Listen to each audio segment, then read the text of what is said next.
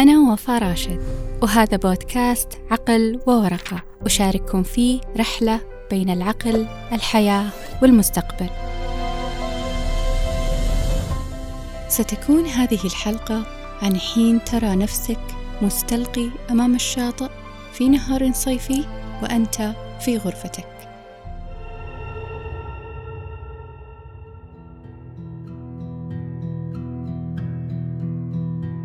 أغمض عينيك وتخيل معي. تخيل أن تستيقظ يوما وتقوم بفتح نافذة غرفتك كما اعتدت يوميا لترى الشجر يمشي. بل أن هناك مجموعة من الأشجار تحتسي قهوتها الصباحية. يبدو أنه أقرب للواقعية هذه الفترة. تخيل أن يقلب كل شيء للون الأبيض وتختفي كل الألوان. تخيل أن تمطر السماء مارشميلو ونتوسد الغيوم. هل رأيت صورة أمامك لكل جملة نطقت بها؟ هل فكرت يوما كيف استطعت ذلك؟ رغم أنك لم ترى فعليا من قبل شجرة تحتسي قهوة أو سماء تمطر مارشميلو. فكيف يحدث ذلك؟ إنه الخيال. قوة البشر الخارقة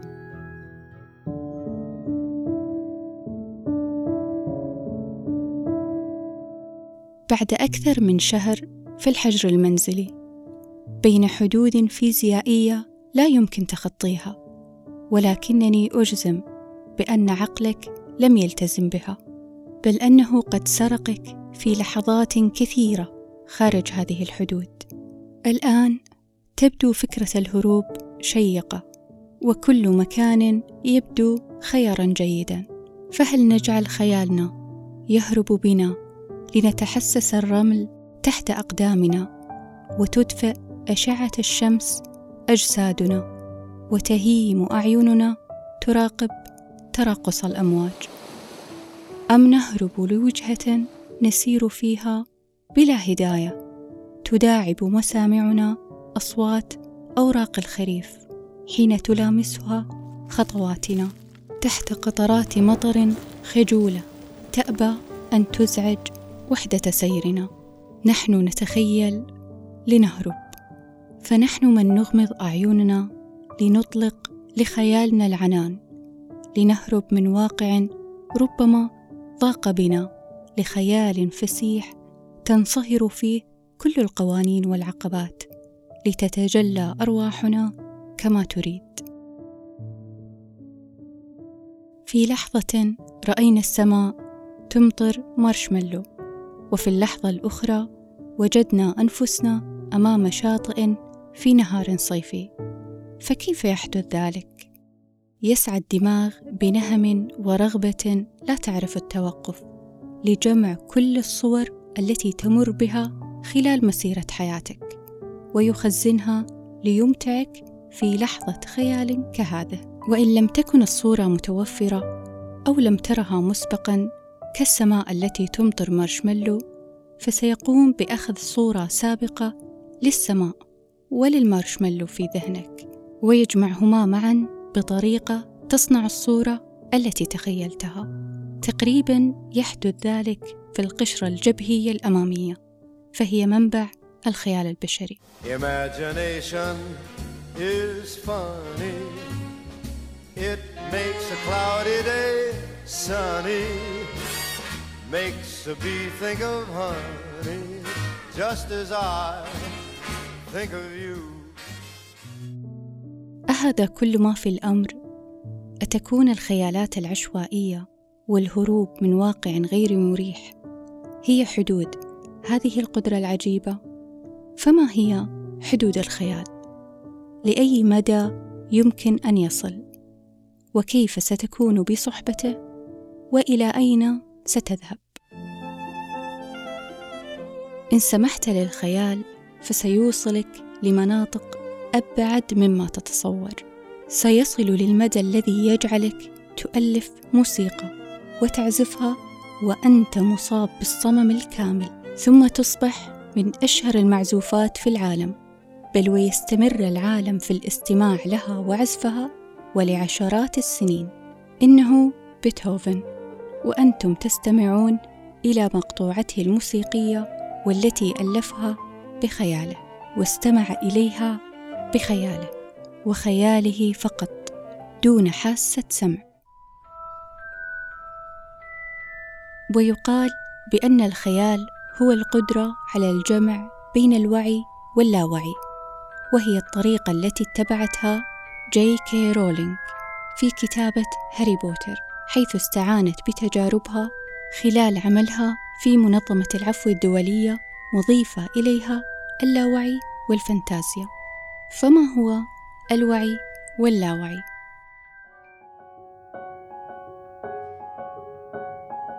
العقل الواعي يشمل المعرفة والمعلومات لدينا ويتحدث بلغة الكلمات حيث يعبر عن نفسه بها أثناء كلامنا وتواصلنا. بينما العقل اللاواعي عبارة عن مخزن مليء بالذكريات والصور والقصص والأحداث. لا يجيد التعبير عن نفسه من خلال الكلمات فلغته المستخدمة هي الصور والرموز. ويتواصل مع عقلك الواعي عن طريقها آملا منه أن ينتبه إليها ويفسرها ثم يترجمها لكلمات تنتهي بأفكار أو قرارات أو حلول. طيب، هل سألت نفسك يوما ما الذي يجعل الفئران يقعون في المصيدة كل مرة؟ ألم يكن حجمها أضعاف حجم قطعة الجبن الصغيرة داخلها؟ إنه الخيال أيضا، القدرة التي تميز الإنسان وتغيب عن الحيوان. هذا الجزء من أدمغتنا يجعلنا قادرين على تحديد جدوى الخطوة القادمة بينما الحيوانات غير قادرة على تخيل الفعل قبل تنفيذه ولقياس جدوى عليها التصرف فيزيائيا أو حركيا لمعرفة صحته من خطأه. الأمر الذي قد يسبب ضررا لها أو وفاتها. بالضبط مثل وقوع الفار كل مرة في المصيدة. ولكن إن وضعت صندوق يحوي بداخله كوب قهوة أو شاي منعا للتعصب. وثعبان. وطلبت من شخص أن يتخيل الأمر. فسرعان ما يتخيل أنه إن وضع يده داخل الصندوق ليلتقط الكوب فربما يلدغه الثعبان وربما يموت. فيدرك مدى خطورة الفكرة ويتراجع عن تنفيذها. أي أن الإنسان لديه القدرة أن يجعل الفكرة تموت لا هو. وهذا ما قاله فيلسوف العلوم كارل بوبر. حين تحدث عن التفكير وطبيعته بأن غرض التفكير هو أن تجعل أفكارك تموت عوضا عنك. أن تنتج الكثير من السيناريوهات لتختار الأنسب منها.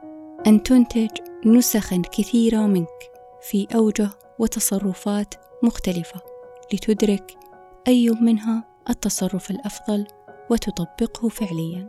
وهذا بالضبط ما يحدث في القصص. حين تحكي قصة تستمع لقصة أو تقرأ قصة. فباستماعك أو قراءتك للقصص بأحداثها وفصولها وشخصياتها أنت تنسج بخيالك كل التفاصيل التي تجعلها كاملة الملامح ومحاكية للواقع. الأمر الذي يكسبك الخبرة في معايشة مواقف عديدة. أن تتعلم طريقة القيام بعمل ما. ألا تكرر أخطاءهم وتتجنب هفواتهم. فالقصص هي حياة أخرى قد تكون حياتك. في زمان آخر قد يكون زمانك ومكان آخر قد يكون مكانك. لذلك أحيانا قد تلجأ لقراءة قصة تشبه ظرفا تواجهه أو تجربة تخوضها. ولهذا في هذه الفترة ارتفعت نسبة شراء وقراءة روايات مثل الحب في زمن الكوليرا ومئة عام من العزلة وغيرها رغم أنها كتبت قبل عشرات السنين. أنا شخصيا بدأت بقراءة الأخيرة.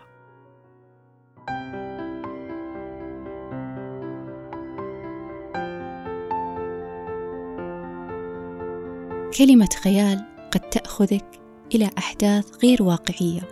أو ربما أحلام ولكن هذه ليست مهمتها الوحيدة فالخيال له العديد من التصنيفات. هو عالم متعدد الأوجه يحكمه الهدوء وتسوده السكينة ويرفض أن تطأ قدم القلق والازدحام والضجيج أراضيه. مأهول بالصور وخالي من الكلمات. مفاهيم ومشاعر وأفكار تصنع داخليا بغض النظر عما يحدث خارجيا قد تكون ضمن حدود الموجود وقد تنطلق خارجه. تتعدد زوايا هذا العالم. فقد يكون خيال إبداعي يجمع بين الأفكار وقد يكون خيال حسي بإدراك يشبه التجارب أو خيال له القدرة للتفكير في العالم من منظور آخر. قد يكون متعمد وقد يكون غير متعمد. قد يكمل الصور وقد يرسم الطريق ولكنه ليس دوما من يدفعك أو يحررك بل قد يحصرك ويمنعك بناء على الوجه الذي تتبناه منه. فنحن من نكمل أحداث قصتنا بخيالنا ونكمل الصورة ونؤمن بها قبل وقوعها. نحن من نتصور أحداث رمادية خالية الملامح مليئة بأبواب مغلقة وخطوات عاجزة. ونحن من نشتم رائحة الفرح قبل بزوغ ملامحه لنستقبل تلك الضحكة القادمة ونثق بتلك البشرى التي ستشرق يوما. فخيالنا هو تصورنا عن أنفسنا عن واقعنا وعن مستقبلنا. ونحن أيضا من ننغمس بخيالنا لنجمع بين مفاهيم مختلفة بعيدة غير مترابطة غريبة ونغوص في عمق أفكارنا لنتجاوز البديهي والواضح منها لنصل لحل لنصل لبداية جديدة لنصل لتلك الفكرة وذلك المفهوم الذي قد يغير حياتنا أو حياة من حولنا أو ربما ينقل العالم بأكمله لخطوة جديدة. نحن نتخيل لنغير. ونحن أيضا من نغمض أعيننا ونطلق خيالنا ليعانق حلم ليعانق هدف. دفناه عن مرأى الجميع. نخشى البوح به سوى لأنفسنا. نصافحه كل فترة لنقوى لنستمر. لنواجه كل ما يوقفنا. نحن نتخيل لنرسم مستقبلنا. ونحن أيضا من ننأى بأنفسنا في عزلة يطيب لنا فيها الخيال. لنواجه صورا كانت عصية الظهور. خجولة أمام زحام الكلمات. تسللت بنا وتجذرت في عمقنا. تناسينا وجودها. لتتجلى أمامنا في لحظة عزلة وتحاصرنا. نحن نتخيل لنواجه انعكاس أرواحنا.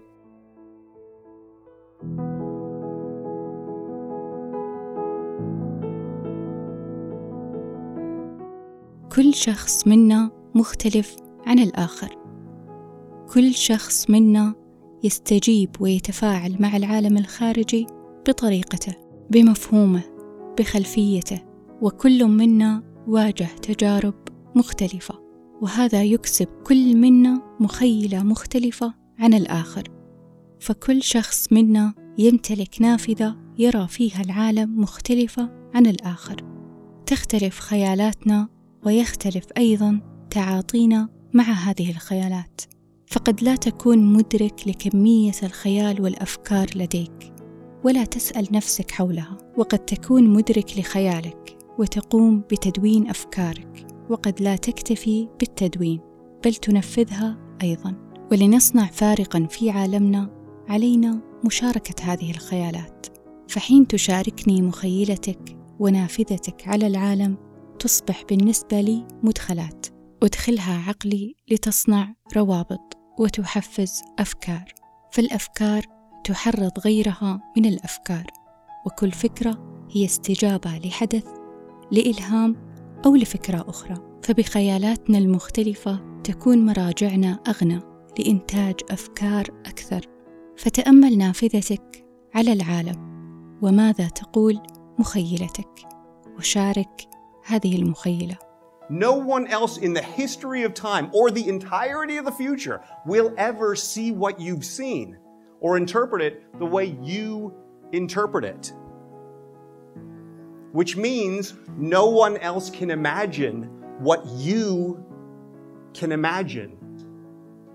You have a window on our world no one else will ever have. We're not going to imagine the future by thinking bigger. We need to think more interconnectedly. We need to let our ideas spark each other's ideas and vice versa, because it's the variety of imagination that widens our frame of reference and truly expands our thinking.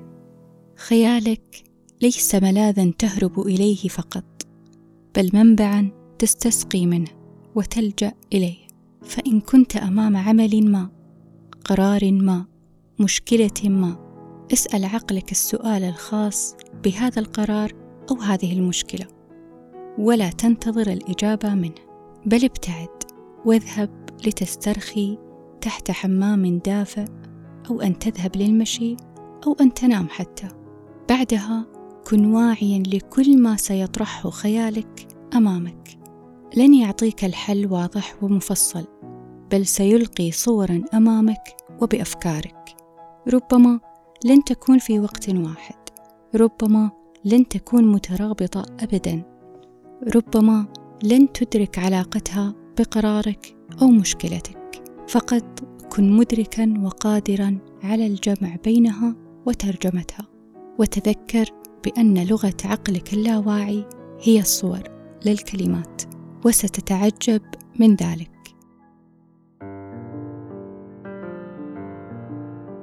وفي الختام لطالما كان حلمي أن أمتلك قوة خارقة تمكنني من الطيران أن أمتلك أجنحة. أسافر بها إلى أقاصي الأرض. أعبر بها كل الحدود وأسابق بها الزمن إلى أن اكتشفت أنني أمتلك تلك الأجنحة داخل رأسي. City of stars, are you shining just for me?